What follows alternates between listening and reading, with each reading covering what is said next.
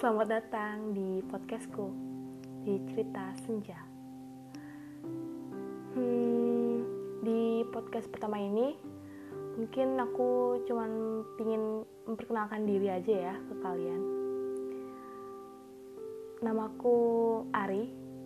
Aku baru aja lulus dari SMK. Ya, lewat jalur virus. Gak apa-apa lah ya kan musibah nggak ada yang tahu oke okay.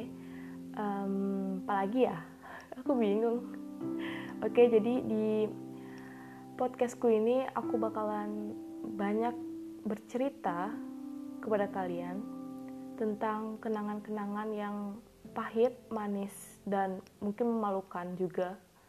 Itu bakalan aku ceritakan ke kalian semua.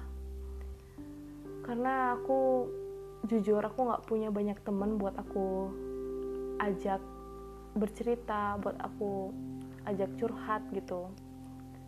Jadi daripada aku nge-spam di story Instagramku mending aku spam di sini aja ya.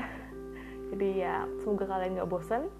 Dan ya dadah sampai jumpa di podcast selanjutnya. Bye